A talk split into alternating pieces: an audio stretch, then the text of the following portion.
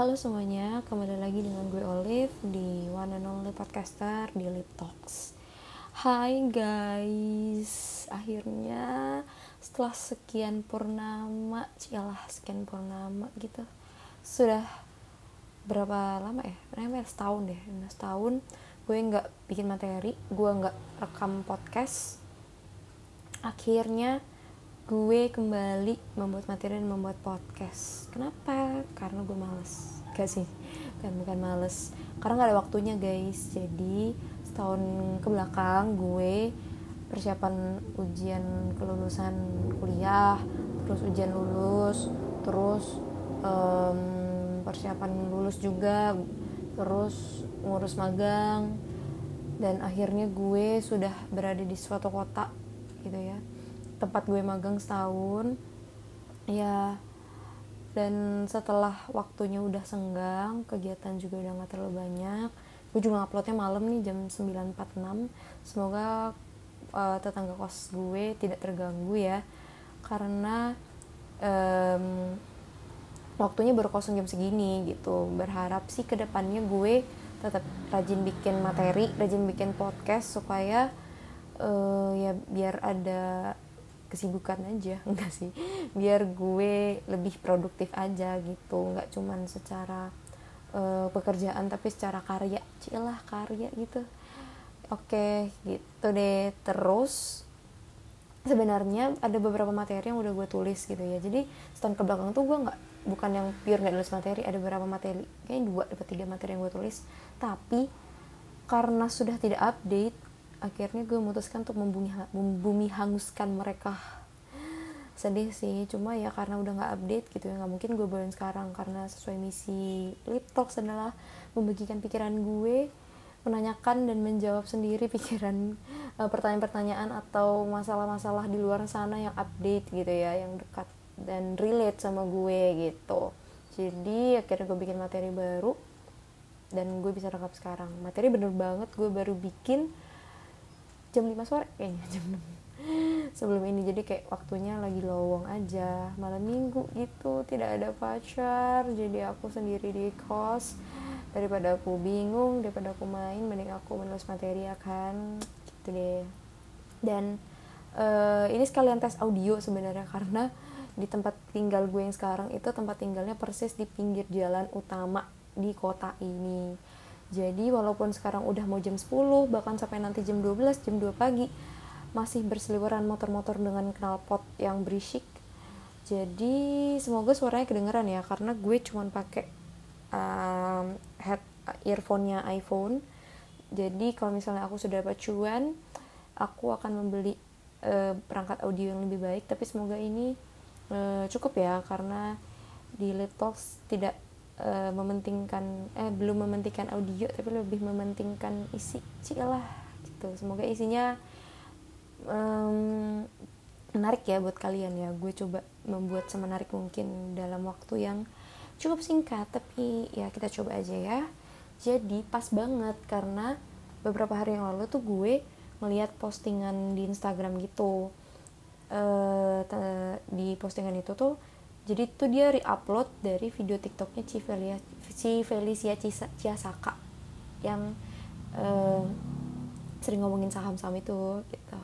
Jadi Civeli ini wawancara beberapa cici-cici di SCBD kayaknya itu ya tentang dan pertanyaannya adalah berapa idealnya cowok eh berapa idealnya gaji cowok di zaman ini gitu. Terutama yang mau menikah ya gitu. Nah jadi jawabannya menarik ternyata. Jawabannya adalah kan ada empat tuh kayak mereka sepakat gaji minimalnya adalah 30 juta per bulan.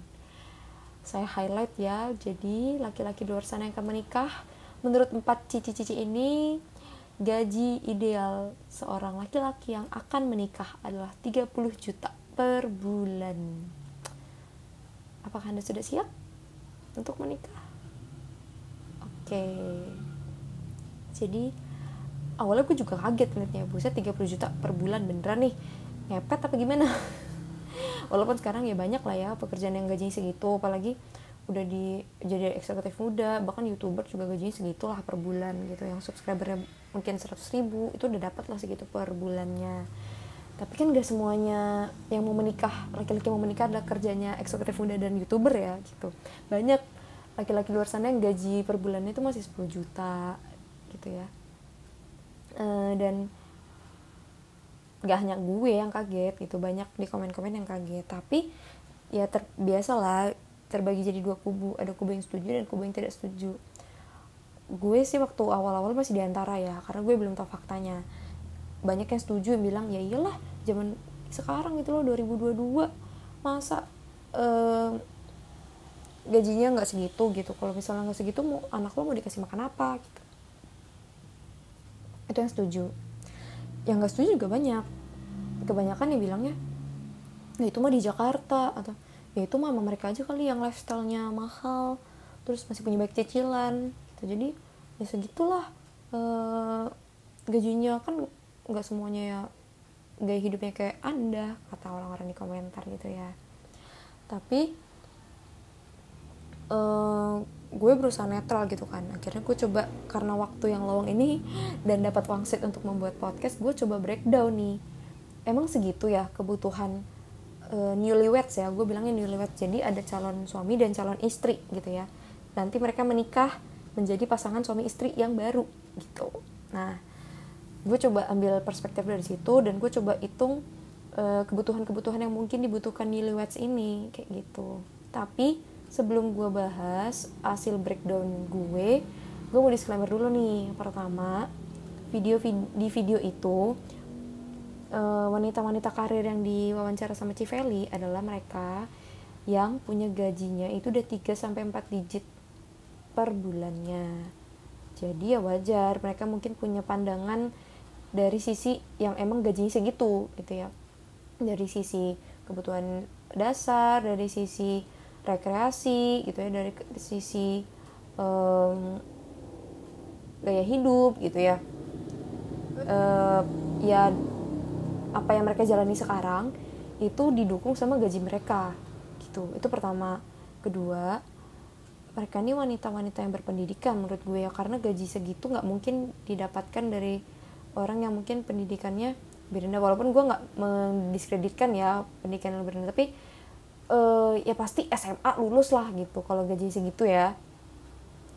Jadi mereka pasti punya pengetahuan dan kemampuan untuk uh, mengatur uang gitu ya tentang keuangan. Jadi mereka nyebutin uh, angka segitu tuh pasti bukan ngasal. Emang mereka tahu kondisi di lapangan gimana jadi mereka nyebutin harga segitu eh budget segitu. Dan ketiga mereka bilang jadi walaupun dibilangnya uh, ide gaji ideal seorang calon suami atau seorang suami tapi mereka juga bilang gitu kalau misalnya si gaji suami nggak nyampe segitu ya istrinya juga harus kerja gitu. Jadi si wanita juga harus kerja harus bantu si suami. Ya namanya rumah tangga ya gak mungkin cuma satu aja yang kerja walaupun emang tetap nafkah utama di kepala keluarga gitu ya teman laki-laki. Tapi banyak juga kok wanita yang emang gajinya di atas laki-laki dan ya wajar-wajar aja. Yang penting kan kebutuhan di rumah tercukupi kan. Gitu. Jadi nggak titik beratnya di laki-laki ya kayak gitu. Cuma intinya kebutuhan bulanan e, keluarga baru ya itu 30 juta per bulan tuh minimal. Bahkan mereka bilang kalau mau hidup enak ya di atas 100 juta. Wow, wow bukankah itu memang enak sekali? Tapi masuk akal nggak sih harga uh, nominal segitu? Kayak gitu. Kira gue coba breakdown. Dan gue coba share ya semoga menginspirasi kalian juga gitu. Nggak cuman jadi kayak uh, membebani tapi ya membuka pikiran juga kalau emang bener sih kayaknya segitu. Atau kayaknya itu relate deh segitu. Jadi gue harus cari kerja yang lebih banyak atau cari sampingan gitu ya tolong ambil ini dari sisi positif oke okay? jadi yang pertama gue bakal bahas dari kebutuhan pokok kebutuhan pokok itu dari pangan sandang papan cuma buat pangan sama sandang ini kok kayaknya variatif ya terlalu banyak kalau hitungan per bulannya kayaknya ya fluktuatif juga tergantung kebutuhan di bulan itu gitu ya. kalau misalnya lagi banyak acara di bulan itu ya pasti makan sama sandangnya akan meningkat dibanding bulan-bulan lain. Tapi ya nanti gue akan bahas di akhir aja untuk estimasinya ya. Nah yang gue bakal bahas cukup banyak adalah papan atau rumah gitu ya. Kan mungkin kondisinya eh, pasangan pengantin baru nih. Pilihan eh, tempat tinggal banyak ya. Ada kontrakan ada eh, rumah kontrak gitu ya. ya. Maksudnya kontrakan tuh kayak, kayak petakan ada yang rumah kontrakan ada yang rumah mertua ada yang rumah baru gitu ya atau apartemen bisa banyak. Cuma yang mau gue bahas di sini adalah rumah sendiri yang dibeli sendiri bukan beli mertua bukan hasil undian gitu ya emang dibeli sendiri gitu. Belinya gua um, supaya enak ya kita bahas cicilan aja kali ya. Ya mungkin ada yang udah nabung sebelum nikah atau ada yang udah beli rumahnya sebelum nikah yaitu di luar ini gitu ya di luar pembahasan ini. Cuma gue mencoba melihat di kebanyakan newlywed sekarang ya kebanyakan kayak gitu. Mereka nikah baru mikir nih cari rumah di mana ya. Nggak kebanyakan tapi yang beberapa banyak cukup banyak yang gue temui newlywed sih kayak gitu. Bingung cari rumah di mana kayak gitu. Jadi uh, eh, gue bahas dari rumah yang dibeli saat setelah menikah. Nah karena setting video yang di upload Civil itu di Jakarta gue coba ambil di Jakarta. Dan nanti mungkin ke Jabodetabek ya karena mungkin banyak orang Jakarta yang uh, belum bisa beli rumah di Jakarta mungkin mereka beli daerah Jabodetabek gitu ya. Oke pertama gue coba cari yang paling murah di Jakarta. Dan gue ketemunya mungkin ada yang nemu lebih murah dari gue gue di share ya. Cuma gue yang yang gue temukan rumah uh, di Jakarta yang murah itu ada di deket pasar Jatinegara. Harga rumahnya itu 385 juta. Jadi rumahnya itu sih kalau gue lihat dari foto rumahnya e, lantai dua gitu. Tapi jalannya tuh kecil banget kayak cuman muat dua motor itu pun harus ngelewatin teras rumahnya gitu. Dan rumahnya pasti udah pasti dia nggak punya tempat parkir yang proper tapi rumahnya dua lantai gitu e, kamar tidurnya dua kamar mandinya satu. Gitu. Kalau misalnya kalian berminat cari di situ uh, beli rumah di situ gue estimasinya sama ya buat nanti rumah-rumah berikutnya itu DP-nya 10% dari harga rumah dan cicilannya itu selama 10 tahun.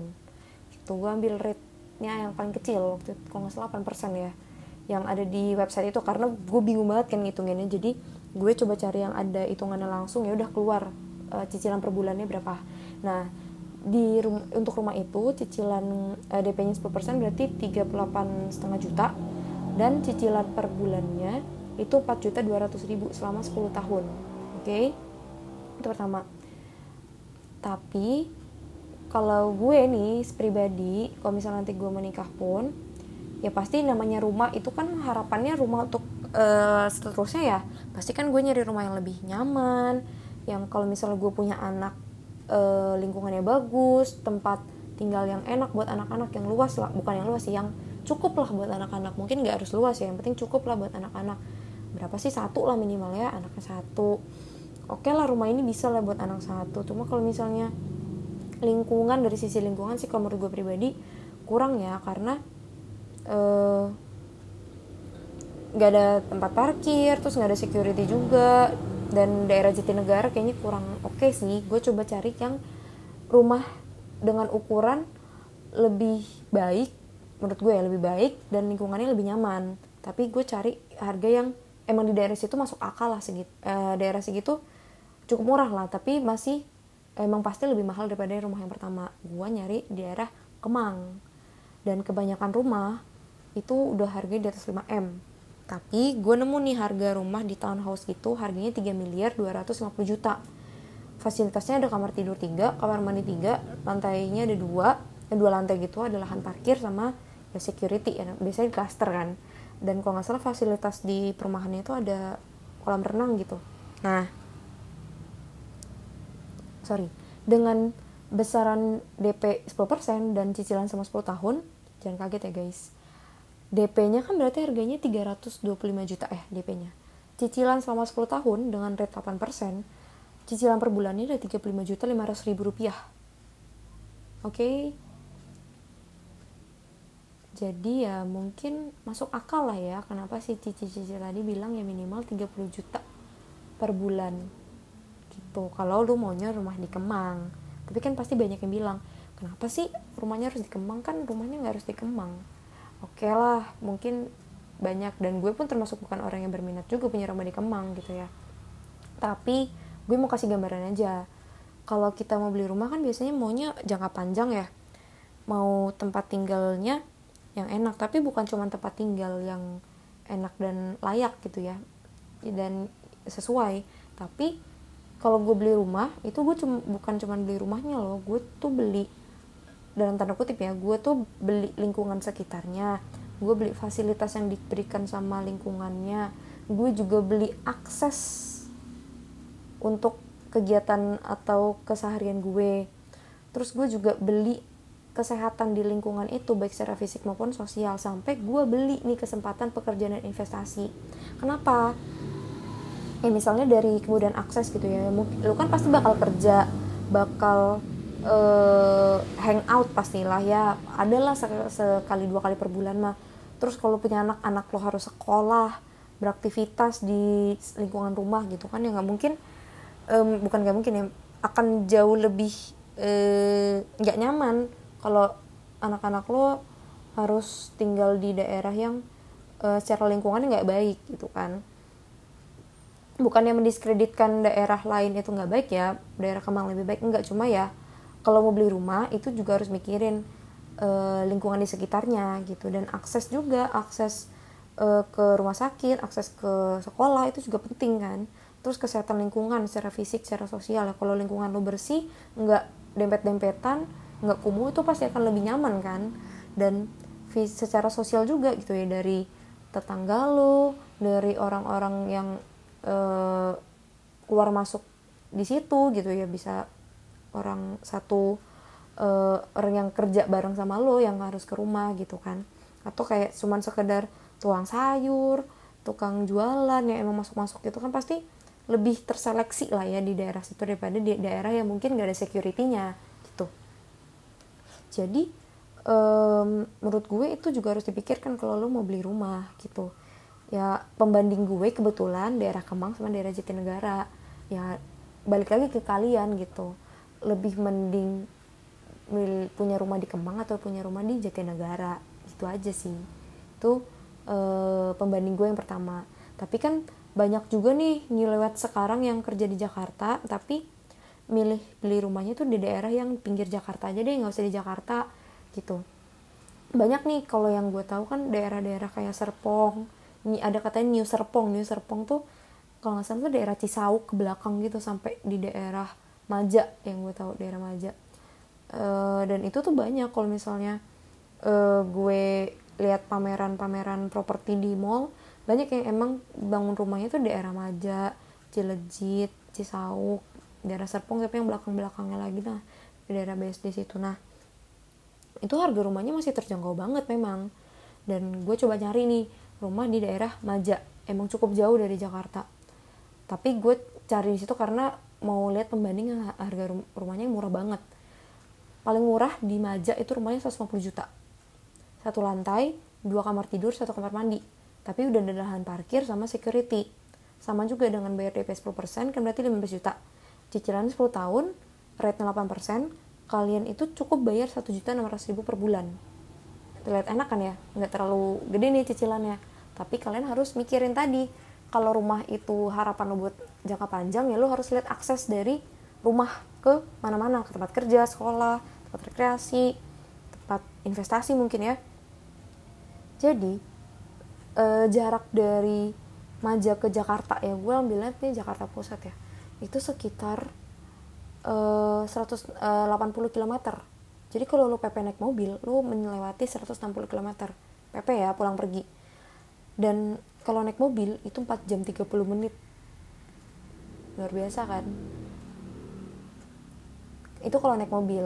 Kalau naik KRL kebetulan Maja itu deket ini perumahan yang di e, pasarkan itu emang rumah yang di dekatnya stasiun KRL dan stasiun KRL katanya udah dari sampai Maja. Dan kalau lu naik KRL pun sampai ke Tanah Abang ya. Karena kalau gue lihat komuter lain dari Rangkas yang lain Rangkas yang dilewatin sama Maja itu berarti di Tanah Abang dulu baru bisa lu bisa ke mana-mana. Sampai Tanah Abang aja itu butuh satu jam 40 menit. Belum lu kerjanya mungkin di daerah Bogor di daerah Jakarta Barat atau mungkin di daerah Bog uh, Jakarta Selatan yang harus lewat uh, masuk uh, naik MRT dulu. Itu akan butuh mungkin ya paling cepat dua jam lah ya.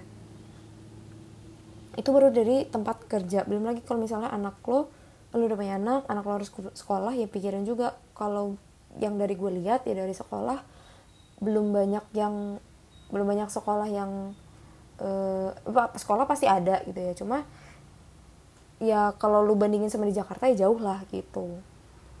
Tapi ya balik lagi ke um, prioritas lo. Mending cari rumah yang murah tapi lingkungannya masih biasa aja atau mungkin cari rumah yang sekalian bagus tapi emang lingkungannya juga bagus. Itu balik lagi ke kalian dipikirin lagi aja guys. Itu buat rumah ya. Lanjut ke kebutuhan sekunder. Kebutuhan sekunder yang gue bahas di sini adalah kendaraan dan perabotan rumah tangga. Ini e, kondisinya juga kalian beli baru ya. Semuanya beli baru baik itu kendaraan maupun perabotan rumah tangga. Nggak ada yang diambil dari kosannya diambil dari rumah mamanya nggak ada ya. Kalau kendaraan ada motor ada mobil ya gue kasih dua opsi. Kalau misalnya lu beli motor baru hitungannya ke 18 juta. Kalau gue lihat di satu uh, penyedia jasa kredit kendaraan DP buat beli motor itu kira-kira 3 juta. Dan cicilannya 2 juta per bulan selama 11 bulan.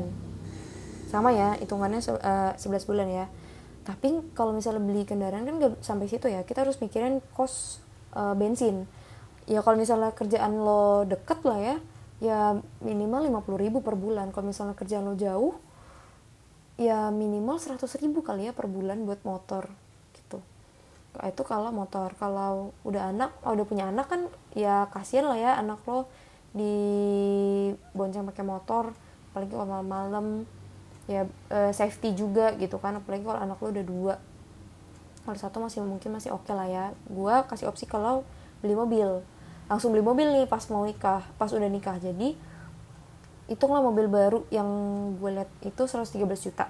DP-nya itu 22,5 juta dan cicilan per bulannya 4 juta selama 2 tahun. Dan kalau dari bensin mobil ya kira-kira minimal lah 300 ribu per bulan ya. Kalau misalnya lo kerjanya emang naik mobil. Kalau emang mobil cuma buat jalan-jalan aja mungkin cukup lah 200 ribu per bulan gitu ya.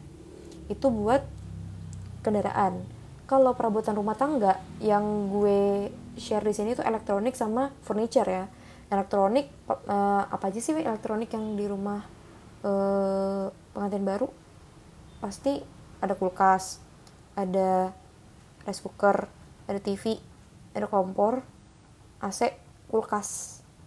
Eh udah ya TV rice cooker kompor AC kulkas. Ya bagus-bagus kalau misalnya lo bisa beli mesin cuci gitu ya.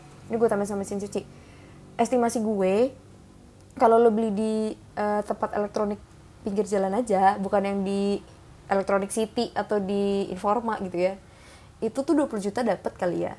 20 juta tuh dapat ya syukur lu bisa beli tunai si barang itu satu-satu atau sekaligus gitu ya. Kalau lu belinya kredit atau nyicil per bulan kan biaya bulanannya nambah ya.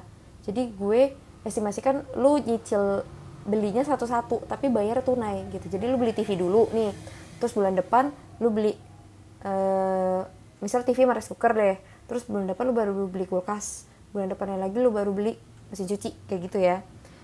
Kalau dari furniture kira-kira butuh apa sih? Meja kursi. Ya entah meja depan atau meja makan ya gue jadiin satu aja lah ya. Meja meja kursi lemari tempat tidur kabinet dapur. Ya ini kalau misalnya yang emang udah permanen ya bukan yang plastik-plastik itu ya minimal 30 juta dari itu semua.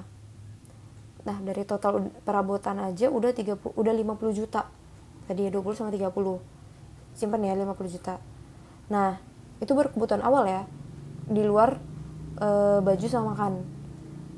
Kalau baju sama makan gue hitungannya per bulan. Jadi udah dirapel tuh baju makanan kesehatan kalau misalnya lu punya asuransi sama rekreasi asuransinya gue hitungnya BPJS aja kali ya. Karena kalau asuransi yang lain kan harganya di atas satu juta ya. Pasti itu nambah ya. Anggap aja kalian punya e, BPJS gitu ya. Sama rekreasi mungkin nongkrong di kafe atau jalan-jalan ke Monas gitu ya. Uh, estimasi kalian bisa ngatur lah per bulan sekecil mungkin. Tapi sekecil-kecilnya di zaman sekarang ya 2022 um, estimasi gue sih 5 juta per bulan. Untuk makan sih terang paling banyak ya baju mungkin satu dua aja potong per bulannya sama ya bayar nongkrong sama bayar BPJS itu 5 juta per bulan. Jadi kalau misal gue total untuk per bulannya aja nih buat newlyweds kalau misalnya dengan kondisi kalian cicilan rumah di Jatinegara terus kalian nyicil kendaraan tuh motor terus nyicil perli perabotan itu mungkin hitungan gue uh, 3 juta dulu kali ya 3 juta per bulan sama kebutuhan bulanan tadi sih 5 juta. Kalau gue gabungin semua nih udah gue hitung ternyata tuh kalian butuh 15 juta 700 ribu per bulan. Well dengan kondisi yang kayak gitu pun uh, dengan kondisi yang kayak gitu yang gue kasih itu ya masuk akal lah kalau misalnya emang si cici-cici itu bilang uh, gajinya di atas 30 karena cicilan buat cicilan itu aja eh buat cicilan sama biaya bulanan aja udah 15 juta. Kalian kalau gaji cuma 10 juta hilang gitu aja. Kalau gaji kalian 20 juta ya syukur kalian masih bisa nabung 5 jutanya. Kalau misalnya enggak ya pasti kan kalian butuh dana darurat ya buat dipakai semisal terjadi sesuatu gitu. Pasti harus ada lah ya apalagi udah jadi suami istri. Kalau misalnya kalian nggak di atas maksudnya nggak e, gaji berdua atau gaji salah satu nggak di atas 15 juta 700 tadi ya kalian harus berusaha lebih lagi. Ya dengan kondisi yang gue sebutin tadi ya terutama kalau misalnya kalian itu udah punya kendaraan sendiri sebelum nikah udah punya perabotan sebelum nikah perabotan itu ya e, gue ngitungnya si elektronik dan furniture tadi sama kendaraan cicilan motor ya gitu. Itu kalian masih butuh keluar 12 juta 700 ribu per bulannya. Gitu. Jadi uh, ya ini buat buka uh, mindset kalian eh, buka pikiran kalian aja teman-teman ya. Biar kalian itu tahu gitu loh kondisinya kayak gini gitu. Kan kebanyakan newlyweds yang nggak kebanyakan sih beberapa newlyweds yang gue lihat ya kebanyakan gitu karena belum punya uang jadi masih belum punya uang buat nyicil rumah kontrak dulu. Belum punya cicilan eh belum punya uang buat nyicil rumah rumah mertua dulu. Ya dengan win-win solutionnya lah gitu. Cuma kan gue dari sisi orang yang emang nanti bakal nikah juga gue akan lebih nyaman kalau gue tinggal di rumah sendiri. Udah punya kendaraan sendiri terus ke bulanan gue juga terjamin gitu ya. Kan itu namanya uang makanan ya gue merasa makanan tuh ya jangan diirit-irit lah apalagi kerja gitu kan. Jadi ya segitu tuh udah cukup maksimal buat gue untuk ditekan gitu loh. Dan itu belum itu di luar kalau kalian belum punya anak ya. Eh di luar kalau kalian udah punya anak ya. Kalau kalian udah punya anak kan mungkin ada biaya perawatan si ibu hamil pas melahirkan terus biaya baju bayi peralatan bayi anaknya sekolah e, mainan anak gitu kan. Rekreasinya juga pasti lebih e, lebih ini lagi kan lebih mahal lagi karena biasanya buat anak-anak lebih mahal kayak gitu. Itu luar itu ya guys. Jadi gimana? Apakah kalian masih kaget dengan gaji bulanan yang dibilang cici-cici tadi di videonya Civeli? Hmm, pasti masih banyak sih yang merasa kayak ya nggak usah. Kayaknya nggak segitu deh. Gue bisa kok gaji 5 juta per bulan aja uh, bisa nyicil rumah anak gue sekolah atau mungkin ya uh, udah bisa nyicil motor juga. Ya itu tetap balik lagi ke kalian masing-masing gitu ya. Ya hidup orang beda-beda kan. Cuma uh, yang di share itu tuh bukan titik poin uh, titik beratnya tuh bukan di nominal ya menurut gue. Tapi yang pertama itu uh, seberapa besar usaha kalian newlyweds ini buat memenuhi kebutuhan. Tadi bukan secara nominal ya tapi secara kebutuhan yang emang kalian butuhkan. Kalau misalnya kalian butuh mobil ya kalian bisa nggak uh, effort untuk itu. Kalau kalian butuh rumah sendiri ya kalian uh, bisa nggak se effort itu untuk beli rumah gitu. Dan uh, kedua ya jangan jadi BPJS lah ya badan eh badan lagi. Jadi BPJS budget pas-pasan jiwa sosialita cenah ya kalau misalnya kalian cuma mampu ke Starbucks sebulan sekali jangan seminggu sekali lah gitu. Itu kan kebutuhannya bukan e, primer ya. Apalagi kalau kalian masih punya cicilan tolong ya gitu. Terus nggak usah sering-sering pakai Shopee Later lah ya. Beli yang sebutuhnya aja gitu loh. Dan gue sih termasuk orang yang nggak suka nyicil sih sebenarnya. Jadi kalau misalnya emang ada duit ya ditabung aja gitu. Kan bunga KPR juga makin gede kan ya. Bunga cicilan juga makin gede. Jadi ya kalau saran gue sih mending kalian nabung aja sampai kalian bisa beli tunai. Tapi kalau misalnya emang nggak bisa pun dan uh, kalian mampu bayar cicilannya per bulan it's okay gitu. Dan yang ketiga sih paling penting menurut gue kalau misalnya ada perbedaan gitu perbedaan atau ya perbedaan pendapat perbedaan uh, sudut pandang tentang uh, masalah keuangan sih terutama. Ya diomongin lah apalagi sebelum nikah kalian udah harus bisa ngomongin itu. Jadi saat nikah nanti nggak timbul konflik. Dan banyak sih yang emang konfliknya uang jadinya cerai gitu kan jangan sampai ya. Kan namanya uang bisa dicari gitu. Kalau misalnya uh, kehidupan keluarga yang harmonis itu susah dicari. Cilah. Gitu. Dan ya uang bisa beli. Ya itu sih balik lagi. Uh, kebahagiaan itu tidak bisa dibeli dengan uang tapi lu bisa beli semuanya dengan uang. Bukan beli semuanya dalam tanda semua barang ya semua hal yang bukan barang sih. Ini pleasure pun bisa dibeli dengan uang. Kalau misalnya lo beli sesuatu lo happy ya lo tuh bukan cuma beli barangnya tapi lo beli kesenangan dari barang dari uh, barang yang udah lo dapat kayak gitu. Itu sih. Ya semoga dari bahasan gue yang agak belepotan ini kalian uh, cukup nangkap poin gue dan tetap balik lagi kehidupannya kembali pada kalian bukan kehidupannya uh, followers kalian di sosial media. Jadi jangan menyenangkan uh, mereka yang dari sosial media tapi menyenangkan hidupmu dan calon pasangan cilah karena kalian akan hidup satu rumah selalu sampai mau memisahkan dengan pasangan ya bukan dengan netizen. Jadi yang menurut kalian nyaman aja guys. Kalau mas kalian masa nyaman tinggal di negara it's okay. Dan menurut gue ya selama kalian kerjaan juga dengan halal walaupun rumahnya di Maja it's okay. Itu uh, pilihan hidup ya. Namanya juga hidup semua orang harus memilih gitu ya dengan konsekuensi masing-masing. Gitu. Oke okay guys ini udah jam 10 18 aku harus beristirahat karena suaraku udah mulai seret-seret ini. Oke okay, uh, eh, gue sih berharapnya tiap minggu bisa upload sih cuma ya ditunggu aja lah ya kalau misalnya dunia ini lagi bikin kehebohan aku akan bikin materi. Gitu. oke okay guys selamat istirahat. Semoga hari kalian selalu menyenangkan. Bye bye